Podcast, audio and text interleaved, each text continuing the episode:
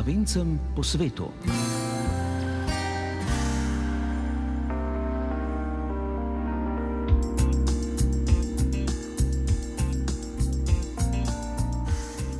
Lepo pozdravljeni, dragi prijatelji naše oddaje, tako po svetu kot doma. Izteka se živahen prvi junijski teden, stopili smo v meteorološko poletje, ki je prineslo tudi 15. slovensko vlado in nove ministre.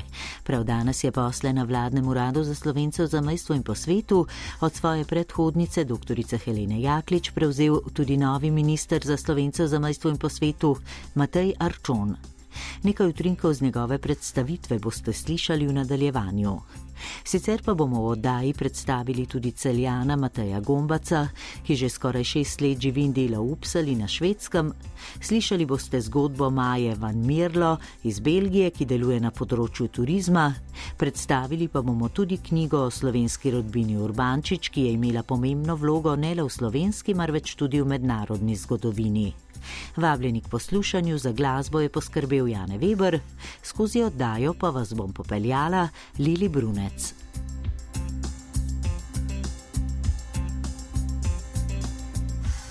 Ta teden smo dobili 15. slovensko vlado s premijejem Robertom Golobom na čelu. Državni zbor je v sredo potrdil ministersko ekipo nove vlade, novi ministri pa so že prevzeli posle od svojih predhodnikov. Prav danes je primo predaja poslov potekala tudi na vladnem uradu za slovencev za majstvo in po svetu, kjer je posle od svoje predhodnice dr. Helene Jaklič prevzel novi minister za slovence po svetu Matej Arčon. Sicer pa je bil minister za slovencev za majstvo in po svetu Matej Arčon pred pristojno komisijo državnega zbora zaslišan in tudi potrjen že v soboto. Po potrditvi je Arčon, nekdani župan Nove Gorice, dejal, da bo deloval v skupnem interesu podpore slovencem v zamestvu in po svetu. Predtem je v predstavitvi na pristojni komisiji med drugim povdaril, da so glede zakona o odnosih Slovenije s slovenci zunaj njenih meja iz leta 2006 nujni tehnični popravki in prilagoditve, ter da je glede tega odprt za mnenje strokovnjakov in uporabnikov. Še nekaj utrinkov iz razprave na parlamentarni komisiji je pripravila Živa Trček. Zavedam se, da preprostih rešitev ni, da si moramo za rešitve prizadevati v skupnem dialogu, je že v začetnem delu svoje predstavitve dejal Matej Arčon. Tudi uh, slovenska in seljenska društva v Evropi, Severni in uh, Južni Ameriki, Avstraliji, Eh, dejansko morajo ostati varne in morajo imeti neke varne in predvidljive pogoje za svoje uh, delovanje. Uh, zavedam se, da je potrebna prenova uh, krovnega zakona in da tudi ta zakon potrebuje nek konsens uporabnikov, uh, slovencov uh, iz zamejstva in, in izseljencev in hkrati tudi slediti neki, ne, neki perspektivi uh, v, v bodoče in tle si res iskreno želim, da se poenotimo na tem področju. Kot eno od svojih prvih nalog na čelu urada vlade za slovence v zamestvu in po svetu je Arčon omenil seznanitev s stanjem na terenu in pobudami z terena ter pripravo akcijskega načrta, ki ga bodo na to uresničili prek drugih ministerstev. Glede vloge urada pri konkretnih projektih pa je opozoril.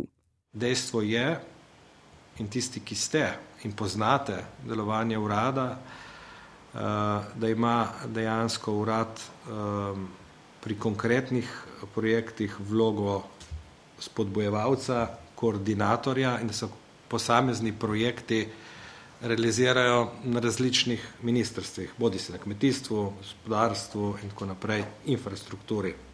Med izzivi, ki se jih bo lotil kot minister, je Arčon med drugim omenil iskanje novih načinov komuniciranja s slovenci v tujini.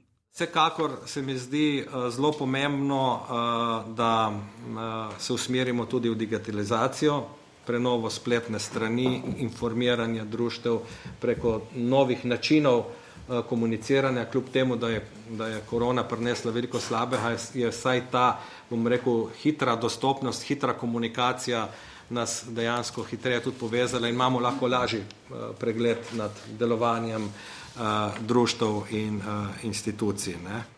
Glede mladih in njihovega vključevanja v društva slovencev v tujini pa. Verjetno je tle potrebno dobiti način, kako financirati ta društva in na kakšen način pritegniti mlade, da bodo delovali v teh društvih. Mogoče verjetno ni več toliko čas, da se mladi vključujejo v društva in pojejo v pevskih zborih in igrajo uh, dramske krožke, kar je seveda še vedno za, za spodbujati. Sprej, dobiti način, privabiti, na kakšen način privabiti mlade v društva je veliki ziv. Da ta društva tudi ohranjajo, uh, uh, bomo rekel, svoje, uh, svoj namen. Sicer pa je Arčon glede pomena slovenskega jezika in kulture opozoril. Tudi uh, povečanje sredstev uh, uh, na Ministrstvo za izobraževanje za uh, poudarek učenja uh, slovenskega jezika se mi zdi ključno. Mi smo kot narod obstali na račun kulture in, in jezika. In tudi zato bo je napovedal torej zdaj že novi minister za slovence v zamejstvu in po svetu Matej Arčon, njegov urad deloval kot promotor dobrih idej. Življenje vrtiljak ki ga vrti sivi čas. A spet in spet si je nam skozi mrak v veselih lučkah. Ko pride maj pod večer, spet nov in lep se ti zdi. Če tudi veš, da je kriv in črviv kot stara ura. Čeprav je star grd in siv, mi dva sva mlada, ker imava se rada, je poln luči. Vrtiljak, ki ga vrti sivi čas. Za naju dva pa je nov in veslep, saj še mlada sva. Drživa se za roke, godba igra, lučke se blešči.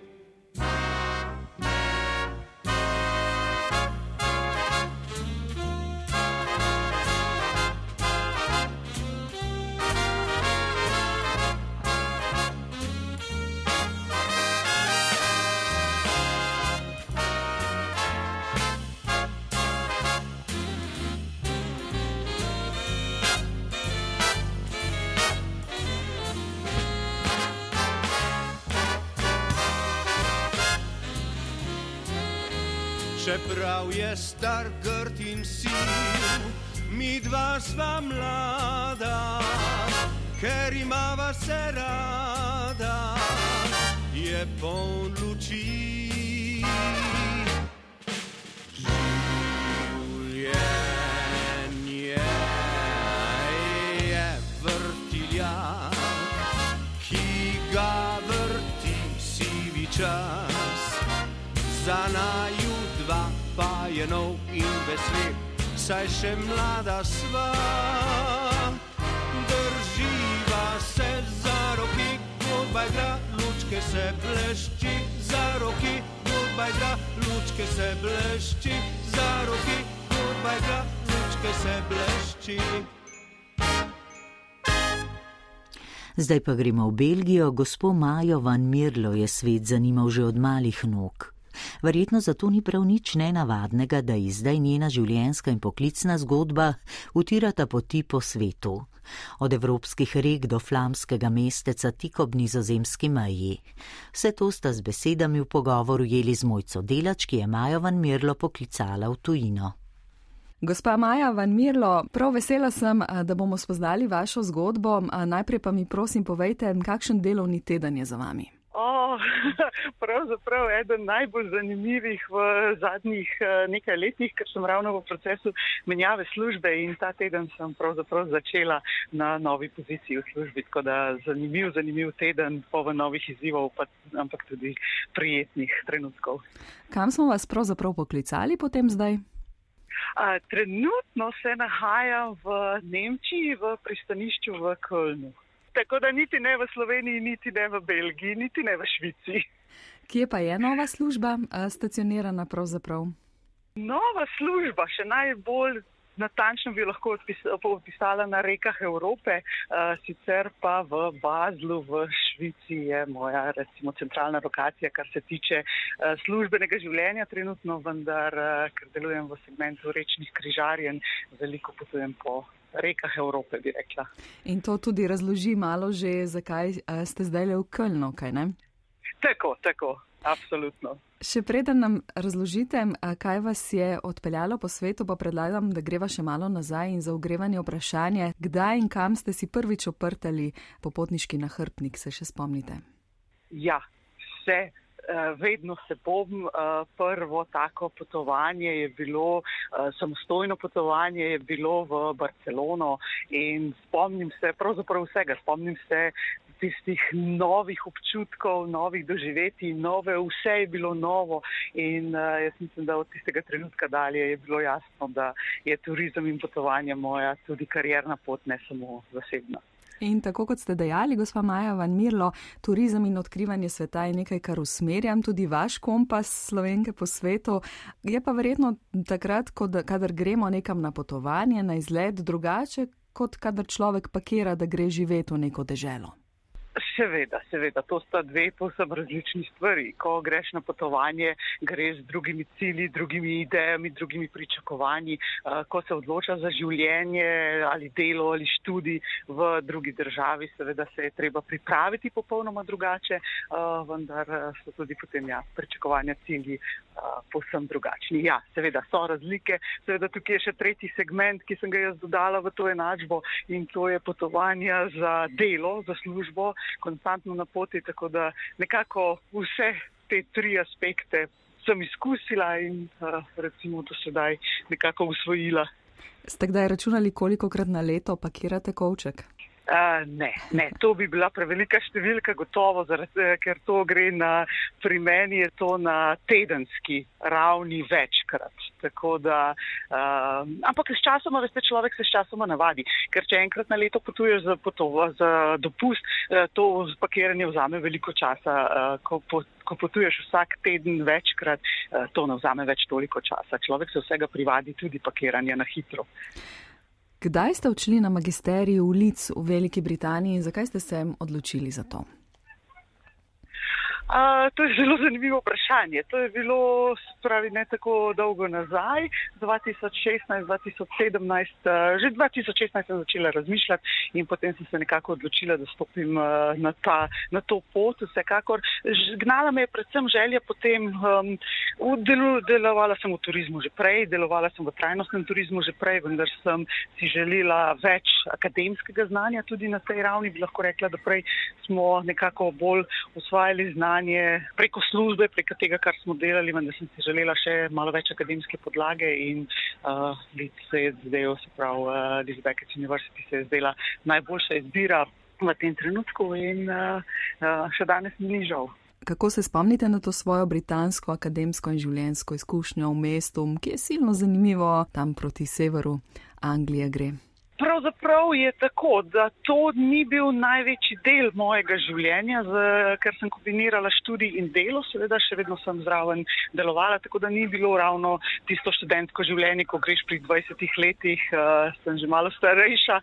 Um, Ni tisto, ko greš pri 20 letih in je vse čisto novo, je drug pogled, tako da sem kombinirala to, vendar jaz mislim, da je to prineslo uh, tudi druge kako bi rekla, drugi splen sem lahko dobila iz tega študija, ker sem takoj znanja, ki sem jih usvajala tam, takoj prenesla v prakso, se pravi, smo lahko implementirali te kriterije trajnostnega turizma takoj v prakso, v turistično industrijo in to mi je dalo mogoče tisto širino, vendar lahko rečem, da pa ne morem samo reči, kako je bilo tam, ker nisem preživela tam toliko časa, da bi rekla. Vedno so bila potovanja tista, ki so usmerjala pot tudi v času študija. Seveda bi lahko gospa Maja celoten pogovor namenili samo temu, kako izzivalno je pravzaprav področje trajnostnega turizma in kako sta van tudi zarezali zadnji dve leti zaradi vsem znanih okoliščin. Zdaj um, se ta vaša zgodba seveda nadaljuje, pa mogoče vprašanje, ko tako potujete po svetu, kje je kakšna dobra praksa trajnostnega turizma, ki bi jo priporočali recimo tudi nam v Sloveniji. Oh. To pa mislim, da presega razsežnosti tega intervjuja. Veliko, veliko jih je, veliko jih je, veliko smo jih tudi povedali, predlagali, vendar veste, te stvari, te stvari vzamejo čas, bi jaz rekla. Slovenija je mlada država in uh, te stvari potrebujejo čas, da dozorijo. Tako da težko je reči, eh, one size fits all ni tisti pravi pristop, lahko rečem. Tako da ne bi želela nobene izpostaviti, ker potem uh, rečemo eno preferiramo pred drugo in potem je vedno tako, da ja, pa to pri nas ne gre zaradi tega, zaradi tega, zaradi tega. Jaz bi predvsem rekla, da če se lahko eno stvar naučimo iz praks po svetu, je to, da trajnostni turizem, koncept trajnostnega turizma presega, presega samo varovanje narave. Se mi zdi, da pri nas uh, se zelo hitro zapakira trajnostni turizem, varujemo okolje, ničesar ne spreminjamo in smo trajnostno naravnani. Koncept je mnogo, mnogo širši, vključuje tudi to, vključuje tudi socialno komponento, vključuje blaginjo lokalne skupnosti, vključuje blaginjo ljudi, ki delajo v turizmu. Tako da jaz bi rekla, mogoče bi bolj ta del izpostavljeno, da bi razširili da razumemo to samo kot varovanje narave in razširimo še na druga dva stebra. Zanimivo. Virtualno in digitalno tudi to sta besedi, ki jo pogosto uporabljamo, spoh v zadnjem času in sta tudi del vašega dela. Se vam zdi, da po teh dveh letih polnih izzivov za področje turizma gre stanje nazaj proti zaželjenemu? Ha, to je kompleksno vprašanje, kaj je zaželjeno stanje. Veste, se turizem uh, tik pred pandemijo ni bil v idealnem stanju, sploh ne kar se tiče masovnega turizma in tega. Tako da ne vem, če gre stanje proti tistemu, kar je bilo prej, ne vem, če je to ravno tisto zaželjeno stanje. Uh, jaz si želim, da bi turizem se iz teh dveh let kaj naučil. Jaz upam, da nam bo uspelo. Izzivov je precej. Um, dnevno se soočamo s temi izzivi, dnevno delamo na tem in uh, probamo stvari postaviti drugače. Z tega, kar smo se naučili tekom pandemije, upamo, da nam bo uspelo. Je, so pa izzivi veliki, ker gre predvsem za daljše uh, spremembe v odnosu ljudi do turizma, mentaliteta lokalnega prebivalstva, turizma in tudi turističnega gospodarstva. Tako da uh, veliko deležnikov, ki morajo sodelovati in morajo imeti pred očmi. Skupni cilj, to je bolj trajnostna naravnanost. Če nam bo uspelo, tega pa jaz ne vem. Če bi to vedla, to pomeni, da imam kristalno kroglo, pa je nimam, nažalost. Odgovor za milijon dolarjev ne, kot rečejo. Ja, tako rečejo, tako, tako. Maja Van Mirlo je gostja vdaje Slovencem po svetu. Povejte mi, prosim, glede na to, da potujete po svetu, pogosto krat naletite na rojake in konkretneje se z njimi kaj povezujete, recimo v Belgiji.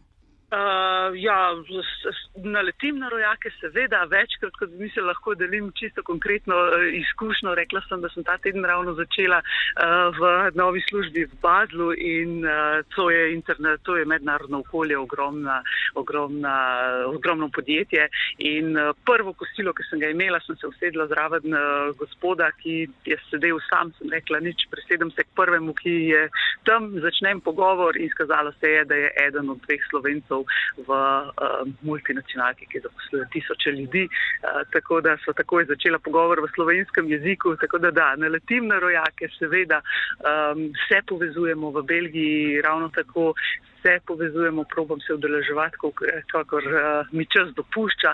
Zanimivo je to, da imamo tudi online druženja in se probam pridružiti tudi temu inicijative, tudi kar se tiče uh, slovenskega jezika, kulture, glasbenih dogodkov, uh, literature. Um, in sem zelo hvaležna za to, da ta inicijativa obstaja tudi v Belgiji, ker me to nekako povezuje, Slove, povezuje Slovenijo um, in spominja na, uh, na korenine. Kaj pa vaš dom? Je to težko vprašanje? Kje ste vi doma?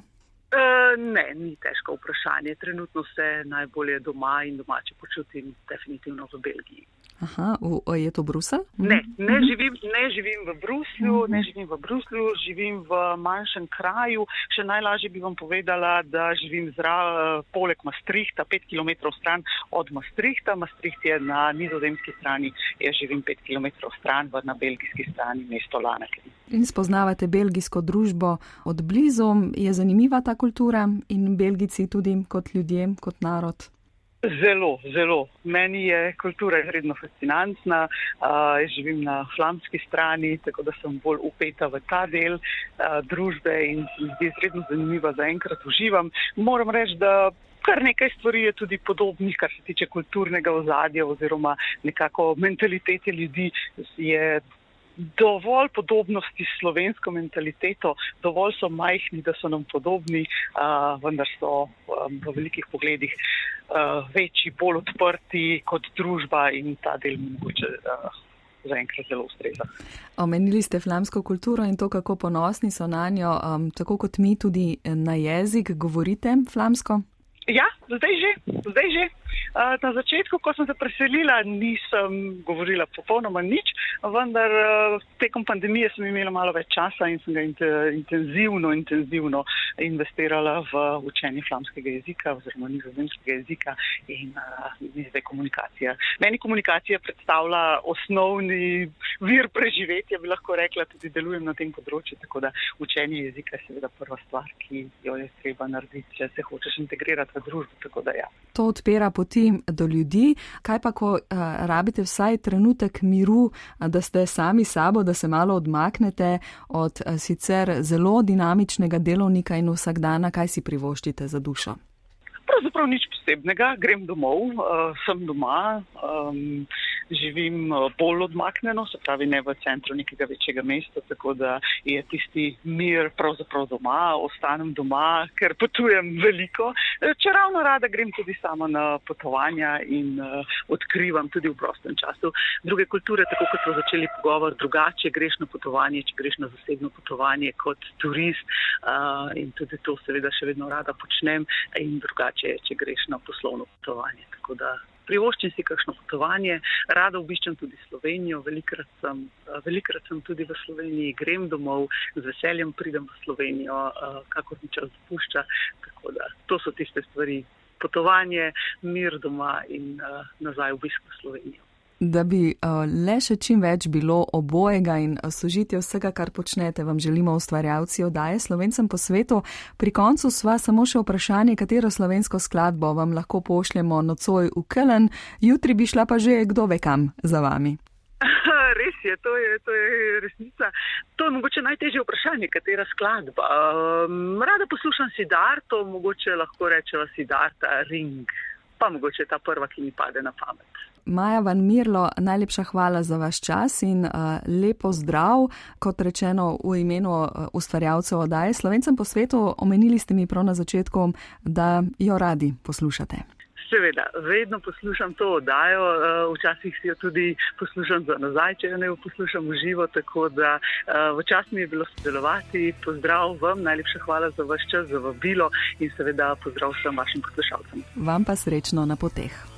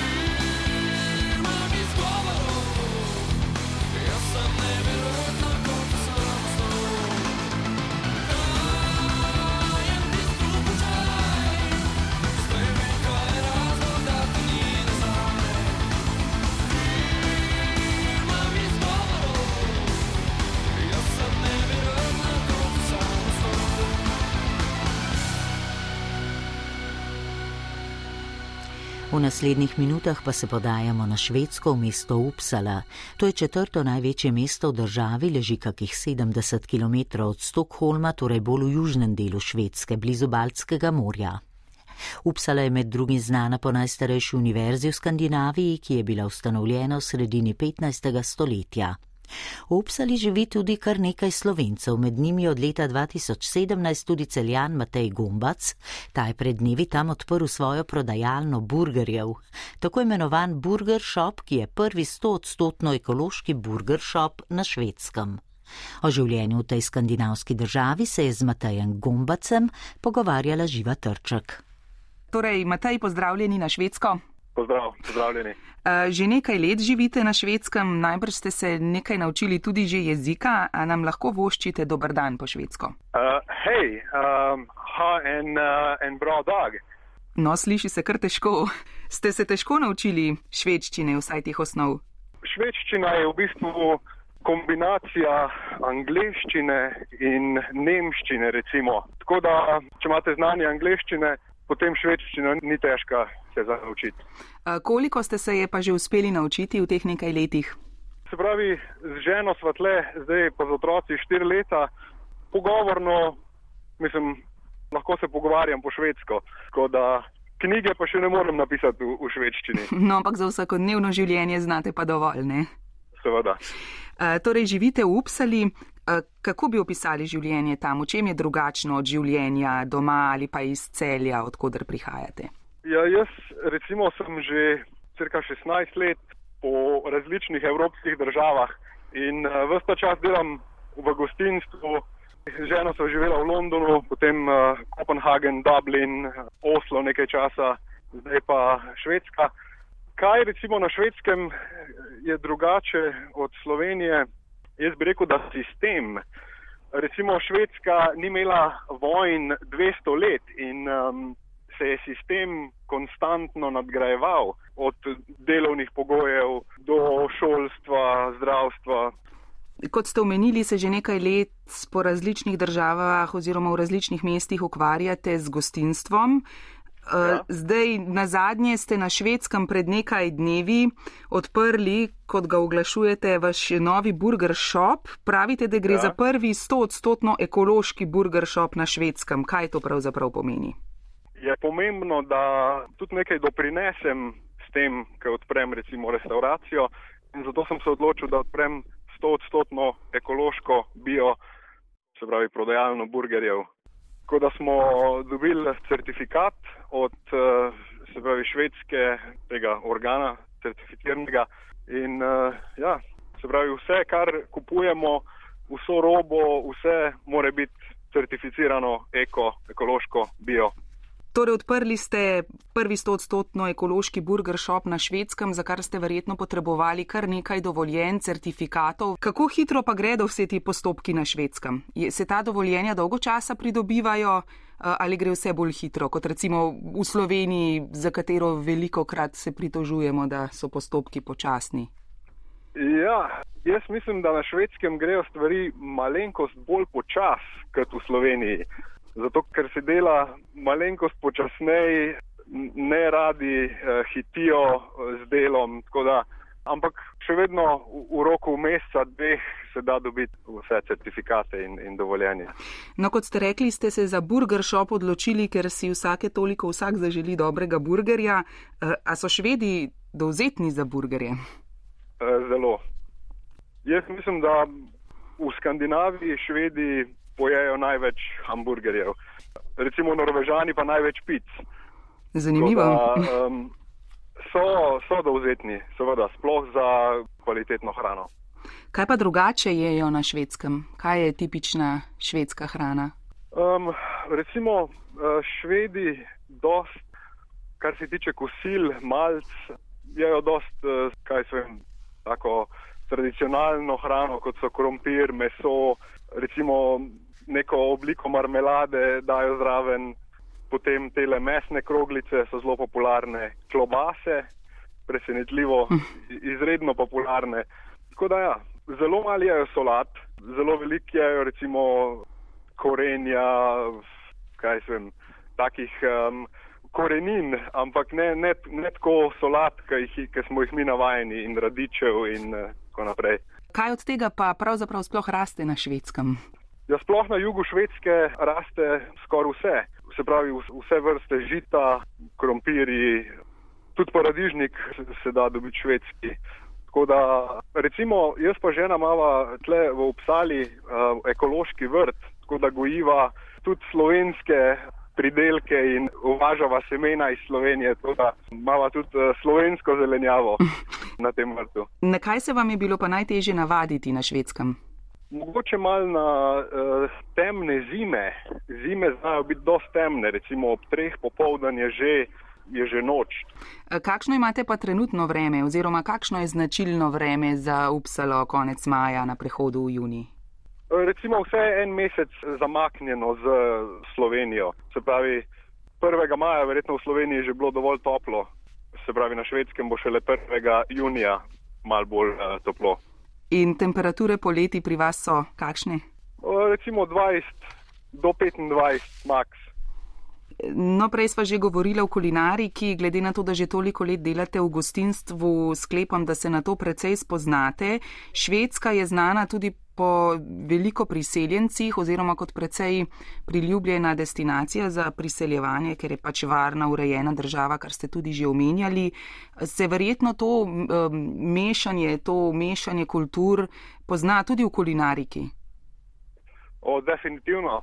Um, recimo valovi, ki so prihajali na Švedsko, se pravi od 70-ih let, um, najprej iz vzhodne Evrope, so prenesli seveda kulinariko s seboj. Potem za časa jugoslovanskih vojn je ogromno jugoslovanov prišlo, so prenesli spet seveda nam, nam bolj znano hrano. Zdaj pa recimo veliko vidim um, sirijske, afganistanske, afriške hrane, tako da seveda vse pozna. Vse, se ustvarja ena dobra mešanca in hrane in ljudi. No, Švedska je tudi znana kot zelo odprta država, pa vendar je tudi iz te države v zadnjih letih slišati kar nekaj informacij o tem naraščanju nestrpnosti do priseljencev, vsaj občasnem. Ali vi to morda zaznate in kakšen je odnos švedov do priseljencev? Jaz mislim, da švedi so še vedno, če gledam celo Evropsko unijo, recimo, bi rekel, najbolj. Uh, najbolj naklonjeni priseljevanju. Seveda se najdejo posamezniki, ki se s tem ne strinjajo, ampak švedi so zelo nekonfliktni in um, zavedajo se, da je takšna prihodnost, mislim, kot je v Kanadi, v Združenih državah, v Avstraliji, priseljenci doprinesejo ogromno k državi. Je pa seveda ta začetni, ko se recimo en val, ta begunski val, ki je bil leta 2015, Seveda je ta krč in šok kar močen povsod po Evropi, ampak jaz mislim, da na dolgi rok se bo to zelo lepo izgladil in uh, bojo vsi, ki prihajajo na Švedsko, veliko doprinesli napredku in, in razvoju družbe.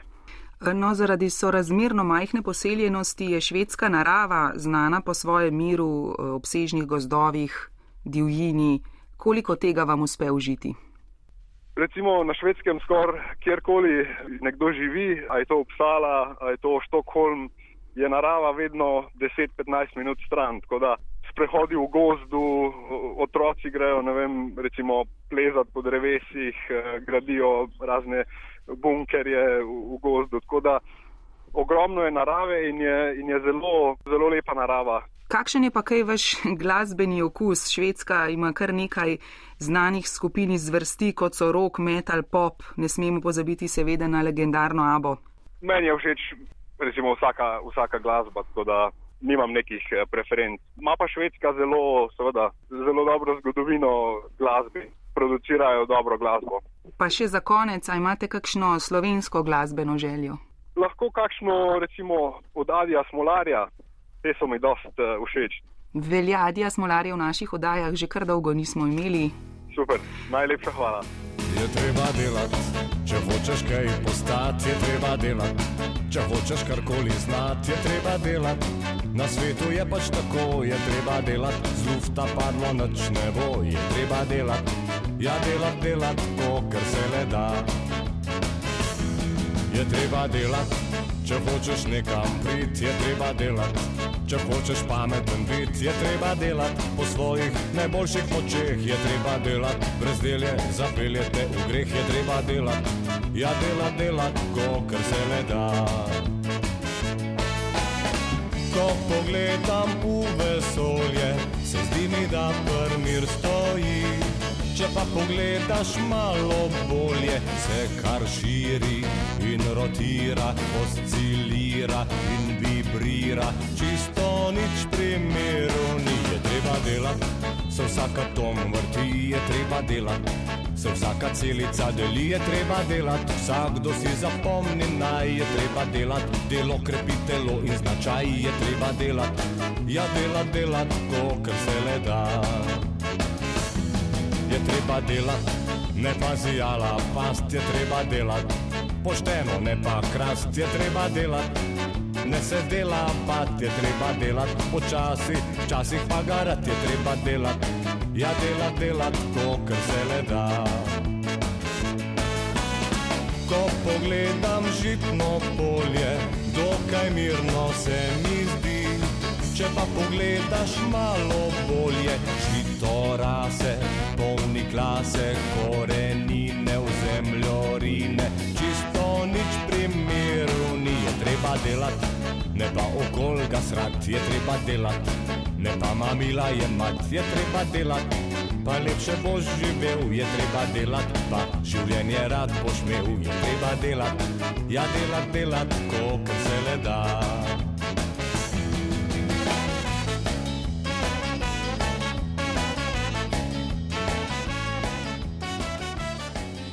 Ob koncu oddaje Slovencem po svetu pa še o novi knjižni pridobitvi povezani s področjem Slovencev po svetu. Pred nedavnim je namreč išla knjiga z naslovom Po poteh rodbine Urbančič, ki je imela pomembno vlogo ne le v slovenski, ampak tudi evropski in svetovni zgodovini. Njene veje pa danes segajo po vsem svetu, od Avstrije do Združenih držav Amerike in Avstralije. Zgodovino družine Urbančič so v knjigi predstavili trije avtorji, so avtorice knjige pa je tudi trikratna doktorica znanosti Mira Delavec Tovhami iz Nemčije, dobra poznavalka rodbine Urbančič, ki med drugim že vrsto let poučuje tudi slovenski jezik in kulturo v nemški deželi Baden-Württemberg. Za našo oddajo je na kratko odstrla pot slovenske rodbine Urbančič skozi zgodovino. Gre za publikacijo oziroma za eh, strokovno knjigo, ki je šla v soavtorstvu z Jurijem Kurilom in pa z Gregorjem Šitumom. Gospod eh, Juri Kurilo je dolgoletni pediatr, zdravnik in je proučil zgodovino rodbine Urbančič, torej z medicinskega vidika, medtem ko je Gregor Šitum pa eh, potomec rodbine Urbančič, njegova babica je namreč potomka po Jusipinini strani, torej Jusipine Urbančič, torej turinski liniji. Gre pa za knjigo, ki nekako v jedru uriše izjemno rodbino, katere izvor in začetek je seveda na slovenskem. Konec 18. stoletja so prvi ohranjeni zapisi do sedaj bili najdeni in kasneje govorimo o dveh rodbinah, ki se nekako razdelita urbančiči, ki so, kot sem jih poimenovala, turenski in pa predvorski. Poti pa so neverjetne, pripeljale so nas oziroma so me celo do Hollywooda. No, gre za zgodovinski oris slovenske družine Urbančič. Kam nas torej pelje pot rodbine Urbančič v knjigi? Se začenja na Gorenskem v preddvoru? V bistvu ne, v bistvu sama zgodba se začenja v bistvu uh, z Ljubljano oziroma nekako predmestjem Ljubljane, tako da je izhajal Sipinin pradet Martin Urbančič, vse do tega, da je bil upravitelj na gospodstvu Brdu pri Kranju. Potem se sprehodimo in urišemo prostor časa 19. stoletja od gradu Strmol, odkudar je bila Josipinina babica, do seveda Josipine Urbančič Tonograjske, ki velja za prvo slovensko pesnico, pisateljico, skladateljico in pravličarko. Njenega časa življenja v predvoru in na turnu. V predvoru je v tem času živel in bil poročen z Marijo Brunih njen stric. Gre za izjemno rodbino, ki je v sredi 19. stoletja združevala tudi izjemno družabno življenje. V predvoru so se srečevali različni odvetniki, tudi Primičeva Julija, ki se je poročila iz Zahala v predvori in tako naprej. Skratka, bil je eno tako izredno zanimivo moderno letovišče.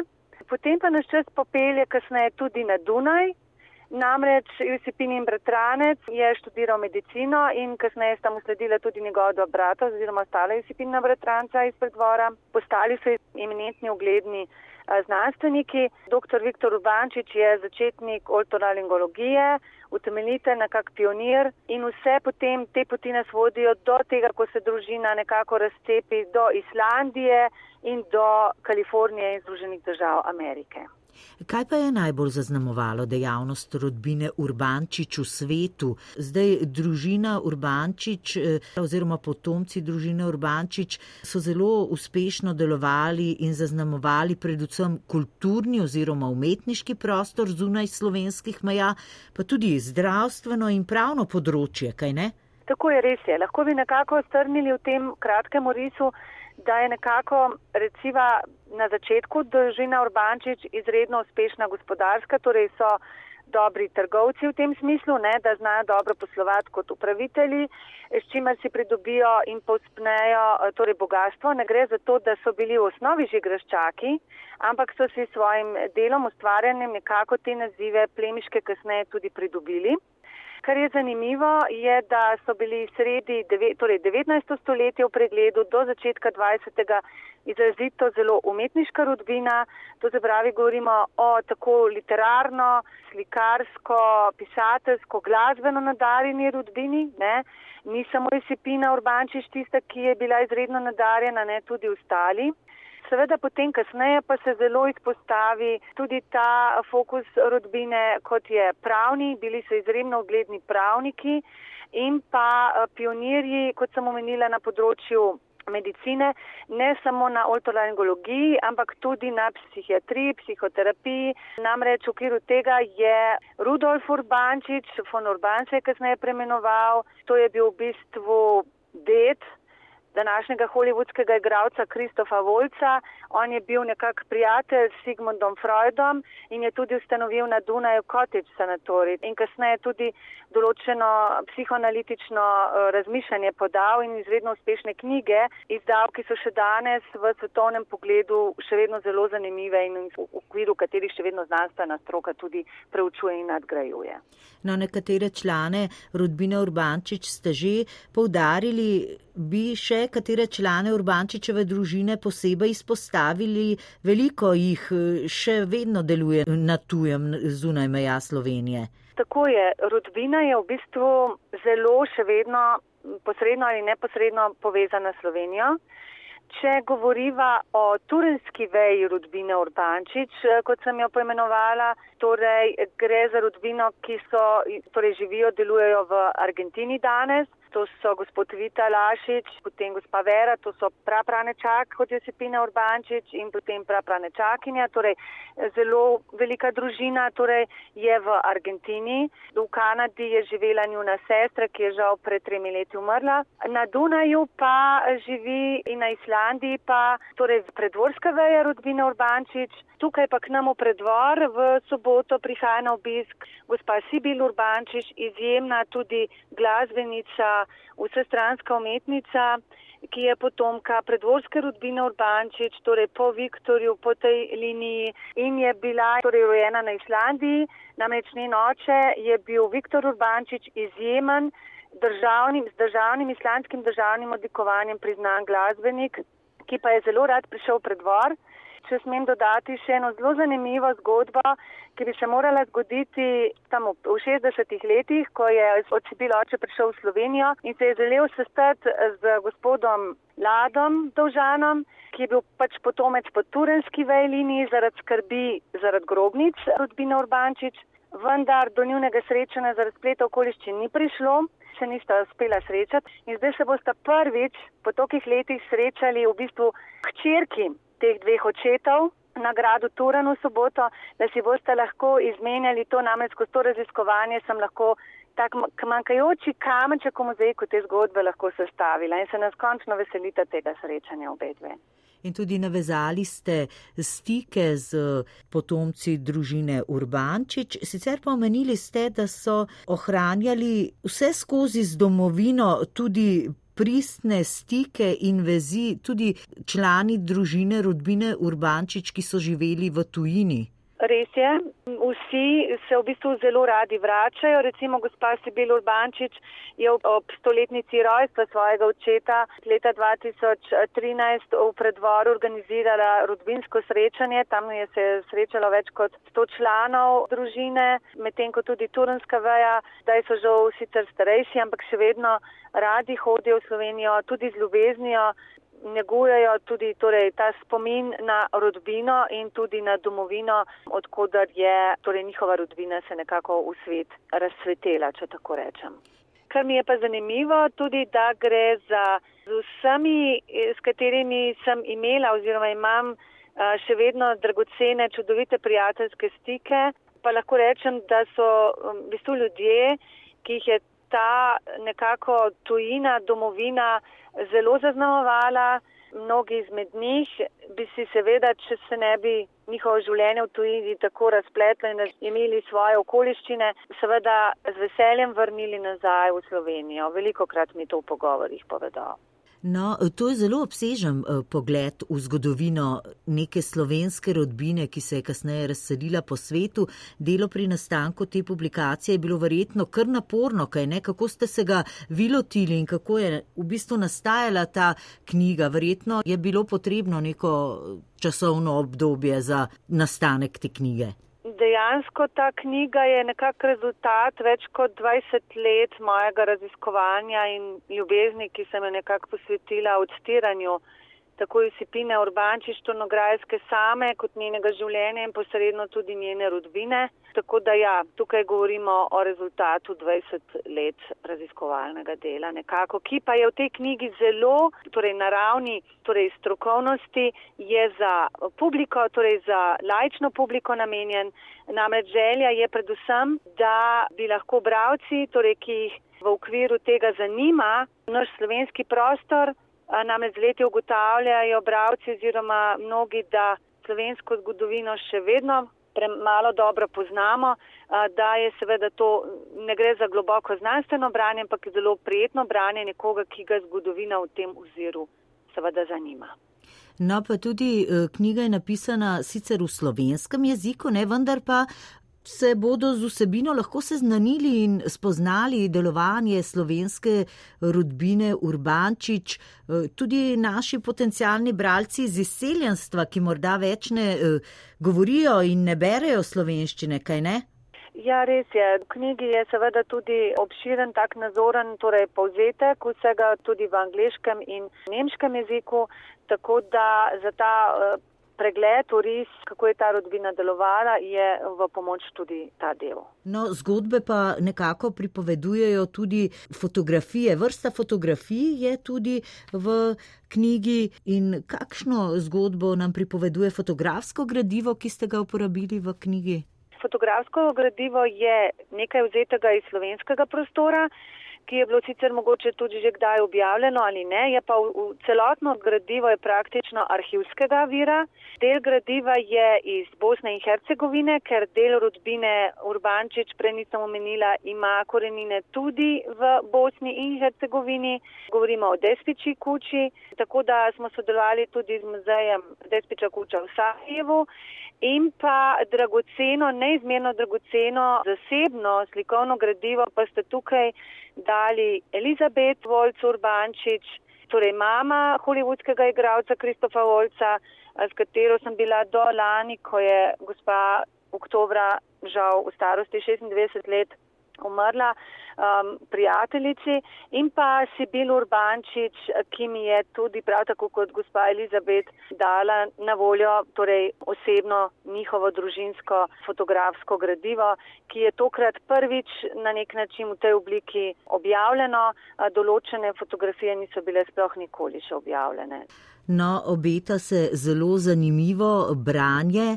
Gospa Mira Delavec, najlepša hvala za ta nazoren pogled v zgodovino slovenske rodbine Urbančič, ki ima danes svoje veje po vsem svetu. Uspešno delo še naprej vam želim in lep pozdrav v Nemčijo. Najlepša hvala tudi vam. Bi pa v tej priložnosti uh, zgolj uh, še poslušalkam in poslušalcem res zaželela vse dobro in predvsem slovenkam in izseljencem iz izkušenj nekako simbolično sporočila, da ima vsaka rodbina, vsaka družina svojo zgodbo, svojo zgodovino in da je zelo dragoceno, da se spomini svojih rodbin, svojih družin, svojih staršev zapisuje, ker so to neverjetna dragocena zakladnica za vsako družino samo in tudi za potem širšo skupnost, v kateri ta družina deluje, živi in bogati prostor. Tako da vse dobro sem skupaj in prijetno in lepo poletje vam želim. Skoraj raj si, ti gorinska, sive gore in zelene reke.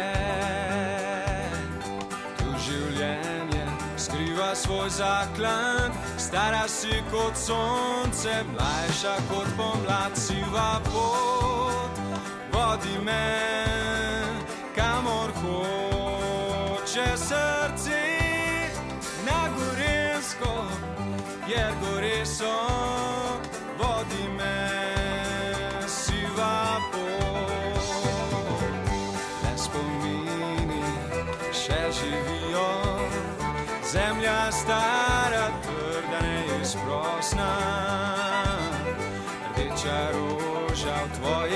vlasích, než na mesečína slze v očích, sivá pot vodíme. mé.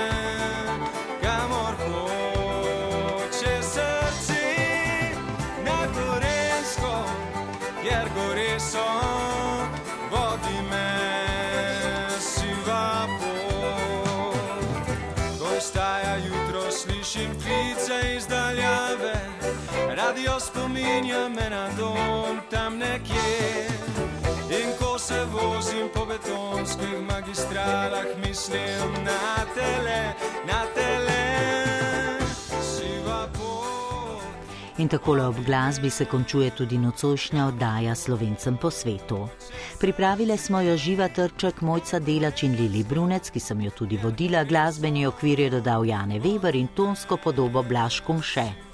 Oddajo lahko ponovno poslušate na spletni strani prvi.rtvslo.si, dostopna pa je tudi v podkastu. Prijeten junijski konec tedna vam želimo in vabljeni v našo družbo spet prihodni petek. Lep večer še naprej in lahko noč.